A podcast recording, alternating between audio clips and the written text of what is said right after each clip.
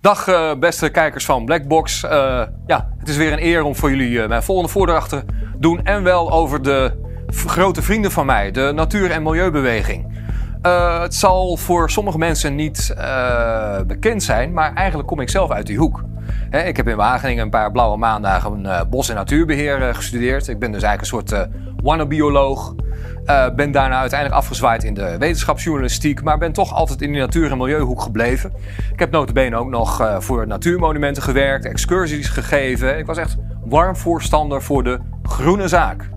En wel, ja, wie kan daarop tegen zijn? Gewoon de klassieke natuurbescherming. Dus het idee dat je prachtige natuur, soortenrijkdom, dat je die tegen onnodige overexploitatie en uh, destructie uh, beschermt. Ja, dat is een prachtige doelstelling die je van harte kunt onderschrijven.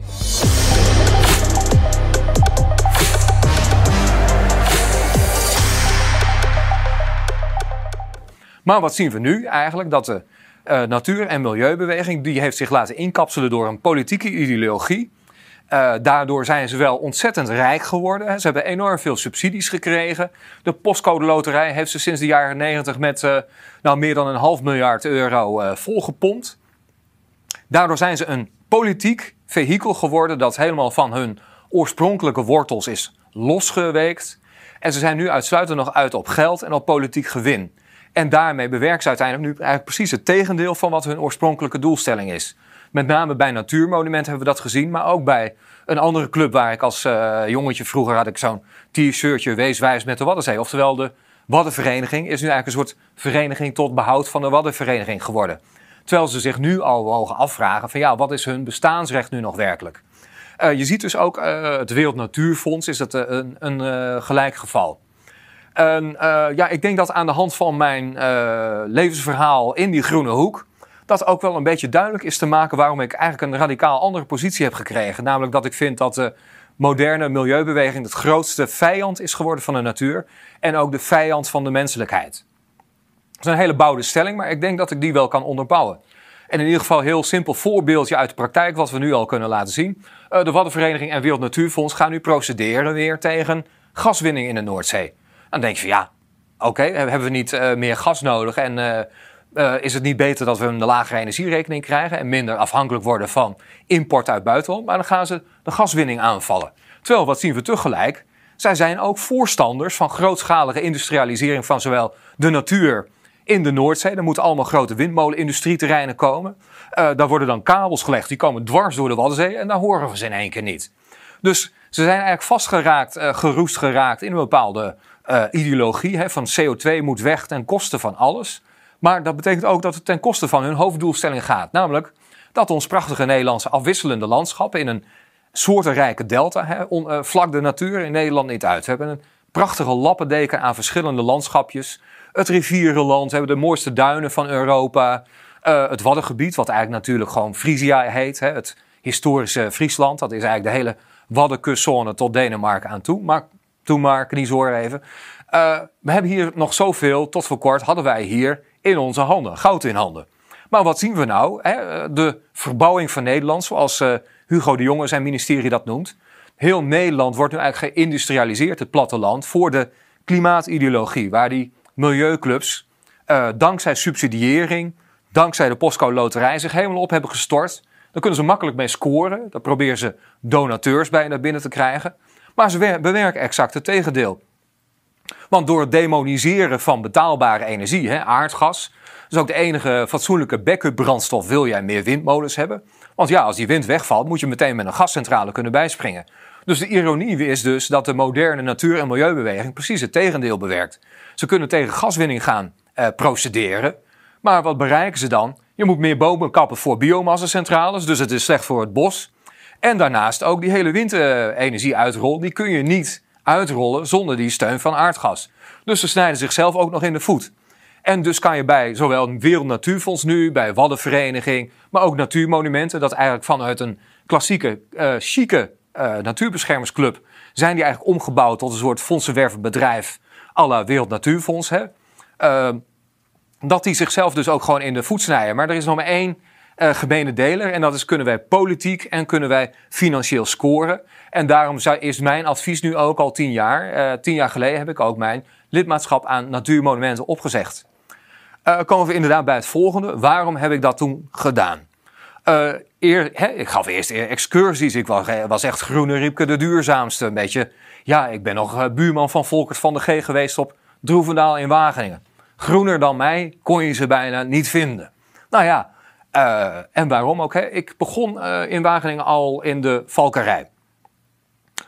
vanuit de mediavisie op milieu en natuur dan heb je alleen maar heb je de good guys, dat zijn de milieuclubs. Hè, die vechten allerlei misstanden aan als een soort underdog. En het gaat heel slecht met de natuur. En zij zijn degene die daarvoor opkomen. Doneer. En dan hebben ze een mooi gierodier, hè, een zielige zeehond, een huilend hert. Nou, prachtig. Hè? Uh, we kennen allemaal die campagnes wel. Iedereen is in de jaren tachtig met name daar ook door beïnvloed. We kennen ook allemaal nog die campagnes van die zielige zeehondjes die dan door die boze Canadezen werden doodgeslagen en die huilende moeder erachteraan. Ik kan me nog herinneren in de jaren tachtig als veentje, klein veentje, nou huilend lag ik in bed toen ik dat spotje van Greenpeace had gezien. Stomme jagers. Maar nu, uh, als vogelaar, hè, ik ben echt, mijn totemdier is een valk. De slechtvalk, hè, waarmee de valkeniers vroeger in de riddertijd al jaagden. Een prachtig voorbeeld van uh, succesvolle natuurbescherming hebben we hier ook te pakken. Wat hebben de Amerikanen gedaan? Uh, dat waren Amerikaanse valkeniers en biologen. Die zagen dat die valk door onnodige vergiftiging van het leefmilieu, door bejaging en vernietiging van habitat, leek die valk helemaal uit te sterven. wereldwijd stortte het broedsucces in. En wat hebben zij gedaan? Ze hebben fokprogramma's, ze hebben beschermingsprogramma's opgetuigd. En zag je een fusie van het jagerdom, hè, dus van de valkeniers met natuurbescherming. Prachtig mooi voorbeeld van hoe het in de praktijk kan werken.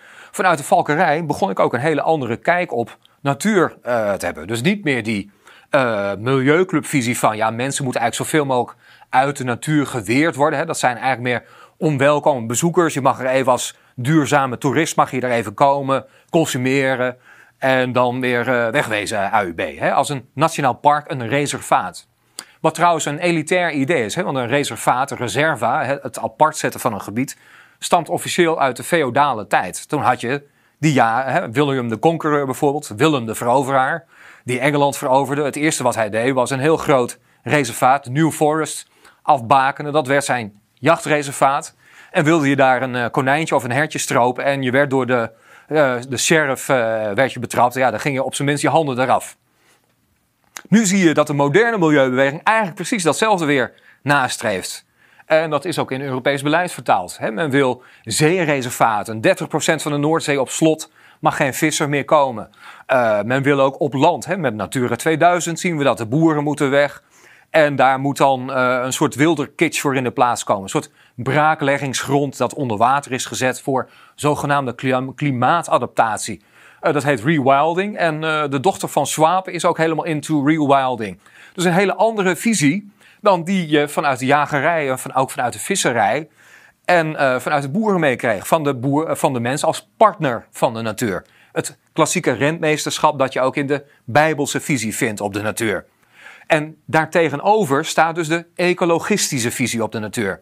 En die komt uit de Amerikaanse Wilderness Act dan zie je uh, in de Wilderness Act van 1961 uh, eh, staat ook: where man is a visitor who does not remain. Dus als een ongenode gast die even in het grote spectrum van de natuur in verwondering mag zijn, maar daar zit een hele sterke religieuze component in. En daarmee ook anti-westers. Want dan kom je al snel bij het zogenaamde ecofascisme.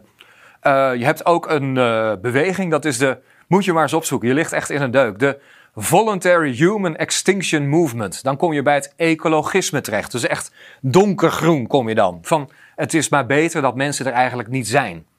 dan kom je bij de visie van Mephistopheles in de Faust op het menselijk gebeuren. Het waren beter dat al die mensen er eigenlijk niet waren.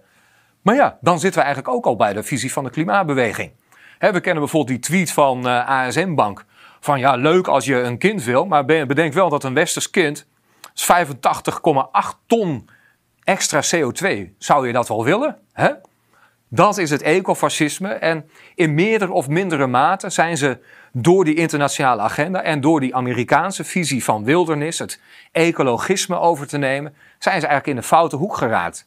En dan kom je bij een soort verblindende ideologie terecht, die zich ook niet meer laat corrigeren. Dus de ideologie uh, weerhoudt hen ervan om destructief beleid en destructieve standpunten aan te passen. En daarnaast, ze zijn zo volgepompt met geld. Dus ja, als het geld gewoon ook maar blijft binnenstromen, hoef je ook niet je eigen uitgangspunten meer te herzien. En ook als je eerst twintig jaar lang aan hebt geroepen van CO2 is slecht voor het klimaat, dan ga je niet in één keer uh, zeggen van, oh ja, misschien waren er ook andere klimaatfactoren en is CO2 eigenlijk misschien ook wel gunstig voor de planeet. En dat is natuurlijk logisch, want het is een plantenmeststof. Als je ook bij Naturalis komt in uh, Leiden en bij de Hortus daar en hoe kweken ze daar planten op, dan zet je allemaal CO2-bussen erin. Daar staat dan ook op voor Fantastic Plant Growth. Want ja, CO2 is een plantenmeststof. Dus eigenlijk misschien wel de meest gunstige stof die mensen als afvalstof hebben geproduceerd. Ja, misschien een beetje aardopwarming, nou, zwaar. Uh, wordt nu, ja, omdat het misschien simpel is en lucratief om daarop in te zetten, om al jouw fondsenwerving daarop toe te spitsen. Maar daarmee verwaarloos je al het andere dat ook natuur en milieu is. Namelijk, het, maar het mooiste voorbeeld is natuurlijk de biobrandstof. Dus dat je hele grote landbouwgrondarealen ga je alleen maar inzetten voor energieproductie. Terwijl je fossiele uh, bossen, die dus ook niet meer gekapt hoeven te worden, want die zijn van miljoenen jaar geleden, zoals steenkool, ga je demoniseren. Uh, je gaat gaswinning demoniseren, terwijl gas is toch veruit de schoonste fossiele brandstof. En zo bereik je allerlei negatieve tegeneffecten die uiteindelijk jouw eigen doelstelling ondergraven. De energie wordt torenhoog duur. Gaan ze daar ook nog tegen procederen? Dus uiteindelijk werken ze dan ook nog armoede in de hand. Daarnaast zie je ook dat bij hun traditionele achterban toch meer aan de linkerzijde van het politieke spectrum. Ja, als je zegt van uh, we willen meer ruimte voor natuur, ja, dan kun je ook niet voor meer massa-immigratie zijn, bijvoorbeeld. Nee, want iedereen die je uit bijvoorbeeld Eritrea importeert, daarmee uh, dan uh, vertien of vertwintigvoudig je hun ecologische voetafdruk, bijvoorbeeld wanneer ze hier gaan wonen. Het is eigenlijk ook raar dat men daar dan ter linkerzijde, aan de ene kant zegt men wij willen klimaatkampioen zijn, maar aan de andere kant bewerken we eigenlijk alleen maar het tegendeel. Resumerend kunnen we dus ook stellen, ik heb meerdere onderzoeken ook gedaan naar de handel en wandel van die milieuclubs en ben me daar dus uiteindelijk tegen gaan keren. Uh, van een goed doel, hè, van iets als uh, onnodig natuurvernietiging, uh, om dat tegen te gaan. Soortenrijkdom, ik geniet ook echt van de natuur. Is het een soort ideologie, bijna een soort religie geworden. Een, en daarnaast is er zoveel geld bijgekomen vanuit overheden. Ze zijn ook overheidsinstrumenten geworden en zijn ze zich ook tegen de bevolking gaan keren. En mijn aha-erlevenis, mijn bekering tot tegenstander van milieuclubs, was toen ik met vissers ging werken. Was in 2010. Uh, eh, Natura 2000 werd uitgerold over de Waddenzee en over de Noordzee kustzone. En dan zeggen zij dat zij uit naam van wetenschap werken. En ik was in een uh, trebel in Harlingen en de vissers waren uitgenodigd door de overheid en die milieuclubs. En die vissers die zeiden ook van ja, vertel ons nou wat wij fout doen. Wij willen best meewerken, maar... En toen kwam eigenlijk de aap uit de mouw. Het was meer hun ideologie. Zij horen daar niet te zijn. Minder vissers is bij hun hetzelfde als meer natuurbescherming. En toen ik zag dat ook clubs als natuurmonumenten op die wijze met mensen omgaan, zonder enige achting voor hun bedrijf, voor hun persoonlijk welbevinden, uh, toen dacht ik van ja, hey, hey, sta ik nog wel aan de goede kant als ik deze club steun? Dus toen ben ik ook verder gaan uitzoeken van, is het wel goed wat zij doen? Een heel mooi voorbeeld is ook het Wereld Natuurfonds. Hun eerste fondsenwervingscampagne was in 1961. Toen riepen ze, oh oh, de zwarte neushoorn sterft uit, tenzij u doneert. Prachtig Giro-dier. Maar kijk je dan 50 jaar later, dan sterft hij nog steeds uit. Uh, hetzelfde bij de Wattenvereniging. Uh, in het principe waren ze eerst goed. Toen werkten ze ook samen met vissers en alle bewoners in het gebied om dat gebied mooi te houden. want je moet, uh, klassieke natuurbescherming recht zich meestal tegen de oligarchie van overheid en grote bedrijven. Die een stuk natuur, en dat wilden ze dan bijvoorbeeld tot vuilstort maken. Zo is ook natuurmonumenten ontstaan. Het Naardenmeer, dat was een prachtig natuurgebied door hun uh, founder Jacques P. Thijssen en uh, Elie Heijmans ontdekt als een prachtig gebied met zeldzaamheden. Zou een vuilstort worden. Door hun lobby hebben ze dat weten te keren en kochten ze het op en werd het van hunzelf. Maar wat zie je nu? Ze zijn allemaal met de overheid ook verweven geraakt. Uh, bij de natuurmonumenten is de helft van hun uh, substantiële inkomen van 110 miljoen euro per jaar ongeveer, is in ieder geval 50 miljoen euro gewoon subsidie geworden. Dus ze zijn meer een soort LNV-instrument geworden. Uh, wat zie je ook bij, nou, de Waddenvereniging heb ik genoemd, Wereld Natuurfonds heb ik genoemd. Ze blijven roepen dat het slecht gaat. Uh, als de Waddenvereniging ook 50 jaar lang al bestaat en ze zijn actief geweest, ze hebben miljoenen en miljoenen en miljoenen van hun donateurs gehad. En dan hoor je, vijf jaar terug hoor je weer, oh, de visstand gaat zo slecht. Maar ze willen ook niet naar de oorzaken kijken waar dat ook komt. Het water is bijvoorbeeld minder vruchtbaar geworden door minder fosfaatbemesting. En daarnaast eh, zijn er weer heel veel meer zeehonden bijgekomen. Die populatie is eigenlijk door succesvolle natuurbescherming is vertien tot twintigvoudigd. Ja, en een zeehond is geen vegetariër.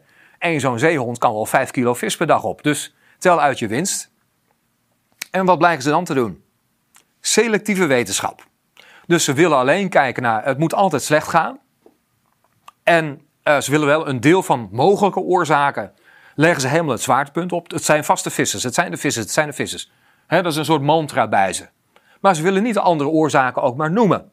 En dat geldt ook bij de ecologen waarmee ze samenwerken. Bijvoorbeeld van het NIOS, uh, Rijksuniversiteit Groningen. Er zijn ook een aantal mensen die het met integriteit niet zo nauw nemen. Een Han Olf. En, ja. Um, uh, maar wat, wat zie je dan dus? Door selectieve uh, kersen in wetenschap, blijven ze een bepaald narratief, blijven ze maar op één kwetsbare groep richten die ze het makkelijkst denken te kunnen verslaan. Dat zijn er weer de boeren en de vissers. Wat zie je ook dan? Ga je in hun jaarverslagen kijken uh, en, je, ze blijven maar roepen hoe slecht het gaat. Ja, kunnen ze dan ook niet eens een keer de hand in eigen boezem steken? Als jullie, lieve mensen, al 50 jaar bezig zijn en jullie hebben nog meer politieke invloed gekregen, Jullie hebben nog veel meer miljoenen aan inkomsten gekregen en het blijft maar slecht gaan. Aan wie ligt dat dan? Zou je dan ook niet de hand in eigen boezem steken? Dat jullie dan zelf niet iets fout doen? Of is dat, het gaat slecht, al dat alarmisme, al die rampentoestanden, hebben jullie alleen maar nodig om zelf nog in bedrijf te blijven? Mijn conclusie is geweest dat jullie dat alleen nog maar voor jezelf doet en voor je eigen inkomsten en voor je eigen politieke invloed. Dus zo zien wij dat een in principe prachtige club, hè, natuurbescherming, hoe die langzaam is ontaard in een soort fondsenwervende bedrijven, die alleen nog maar problemen verzinnen en problemen in stand houden, omdat zij anders zelf tot de conclusie zouden kunnen komen: hef jezelf op. als de Waddenvereniging, uh, misschien is die wel klaar, de Waddenvereniging zou ingepolderd worden. Is niet gebeurd. Nou, hef jezelf op, begin iets anders. Uh, tot het slotpunt nog even. Uiteindelijk moeten we dan ook toe naar een andere visie op natuur. Ecologie heeft een heel, lijkt allemaal wel wetenschappelijk en zo. Maar uiteindelijk zijn het ook verhaaltjes over hoe de natuur zou moeten functioneren. Vanuit een bepaalde ideologie. En dat gaat ervan uit dat er een soort balans in de natuur zou moeten zijn. Die, als het maar beleidsmakers met de juiste gegevens aan de goede knoppen draaien, dan komt er een mysterieus evenwicht. En dan, wie zijn die knoppen dan? Nou ja, dan weten ze, ah, dat zijn altijd natuurlijk de zwakste partijen. Dus dan pakken ze die vissers, die doen ze weg. En uh, ze doen andere gebruikers, die uh, degraderen ze tot een soort uh, ja, horen bijna in hun eigen woongebied. En dan zijn die milieuclubs bijvoorbeeld in het Waddengebied zijn tot beheerder gemaakt samen met uh, onderzoeksbureaus. En dan moet er een soort onderzoeksaquarium worden. En dan zou men dat kunnen optimaliseren. Maar ho ho, en dat heb ik ook in mijn eigen boek beschreven. We moeten toen naar een, de oude visie weer. sinds het biodiversiteit heet, is er eigenlijk niks meer aan die natuur. We moeten gewoon weer terug naar de ouderwetse term natuurlijke historie, natural history. Het British Natural History Museum is halverwege de 19e eeuw opgericht om mensen te enthousiasmeren voor de creatie, voor de wonderen van de natuur. dat waar je enthousiast van wordt, waarvoor je je bed uitkomt. Iets dat niet meteen geëconomiseerd is. waar je echt van denkt van wauw, dat dit allemaal heeft bestaan. Maar wat is de natuur? De natuur is niet een onder regelbaar systeem wat je kunt optimaliseren, net als een soort machine. Nee, de natuur is een opvolging van historische gebeurtenissen. Natural history. En dan zie je dus ook wanneer je die ouderwetse visie weer aanneemt, dat je ook weer uiteindelijk tot een veel realistischer natuurbeeld komt. En dan zie je dus ook, en daarmee sluit ik ook af, waarom worden die vissers nou in het Noordzeekustgebied gedemoniseerd? Zij zouden de bodem beroeren. Maar ja, hè, terwijl als het door een storm gebeurt, een natuurlijke invloed, en dan verplaatst een zandbank zich in één nacht uh, met 30 meter, dan is het niet erg. Maar als het vissers het doen, dan zijn ze een uh, te reduceren uh, vervuilingsfactor. En hier hebben we meteen die ideologie te pakken. Want daarmee keren ze ook de bewijslast om en krijg je een soort Kafka in de Noordzee of in de Waddenzee. Zij moeten met omgekeerde bewijslast aantonen dat zij geen schade hebben. Dat zien we ook bij het stikstofdossier. verandering in de natuur, als die door mensen is veroorzaakt, is volgens deze ideologie hetzelfde als schade. Terwijl zou je weer naar een realistische, normale, historische visie op natuur gaan, waar alleen maar verandering is, dan de natuurlijke historie, dan passen mensen, boeren, vissers, binnen een zekere mate natuurlijk, passen gewoon weer in de natuur. Die hoeven niet gereduceerd te worden, die hoeven niet gedemoniseerd te worden. En misschien is er dan ook wel een kleinere rol weggelegd voor deze inmiddels miljoenen bedrijven, Wereld Natuurfonds, uh, natuurmonumenten. En dat die zich weer op hun eigen uitgangspunten gaan bezinnen. Dat zij weer klassieke natuurbeschermingsorganisaties worden die natuur beschermen tegen onnodig verwoesting door de conctie van overheden samen met groot bedrijf die alles willen economiseren. Dus uh, ik hoop dat jullie alsnog deze boodschap te harte willen nemen, want we zien allemaal wel, jullie verliezen in sneltreinvaart leden. Jullie proberen dat met gesjoemel en jaarverslagen nog een beetje te verhullen, maar wat een vereniging heeft in 10, 15 jaar tijd een kwart van hun leden verloren bijvoorbeeld. Dus het is een hele mooie tijd om jullie nu te bezinnen op jullie volgende leven. Want anders worden jullie een vijand van zowel mensen als van natuur. En creëren jullie politieke campagnes juist het tegendeel van wat je zou willen. En zijn jullie zelfs de grootste vijand van de natuur geworden. En zou ik ook zeggen, bent u nog lid van Wereld Natuurfonds, Natuurmonumenten? Ik zou dat gewoon allemaal opzeggen. Want ze, en wordt gewoon lid van een kleine natuurorganisatie bij u in de buurt. Die lokaal gewoon leuke dingen doet. Of besteedt het aan het beste doel op aarde, uzelf en uw dierbaren.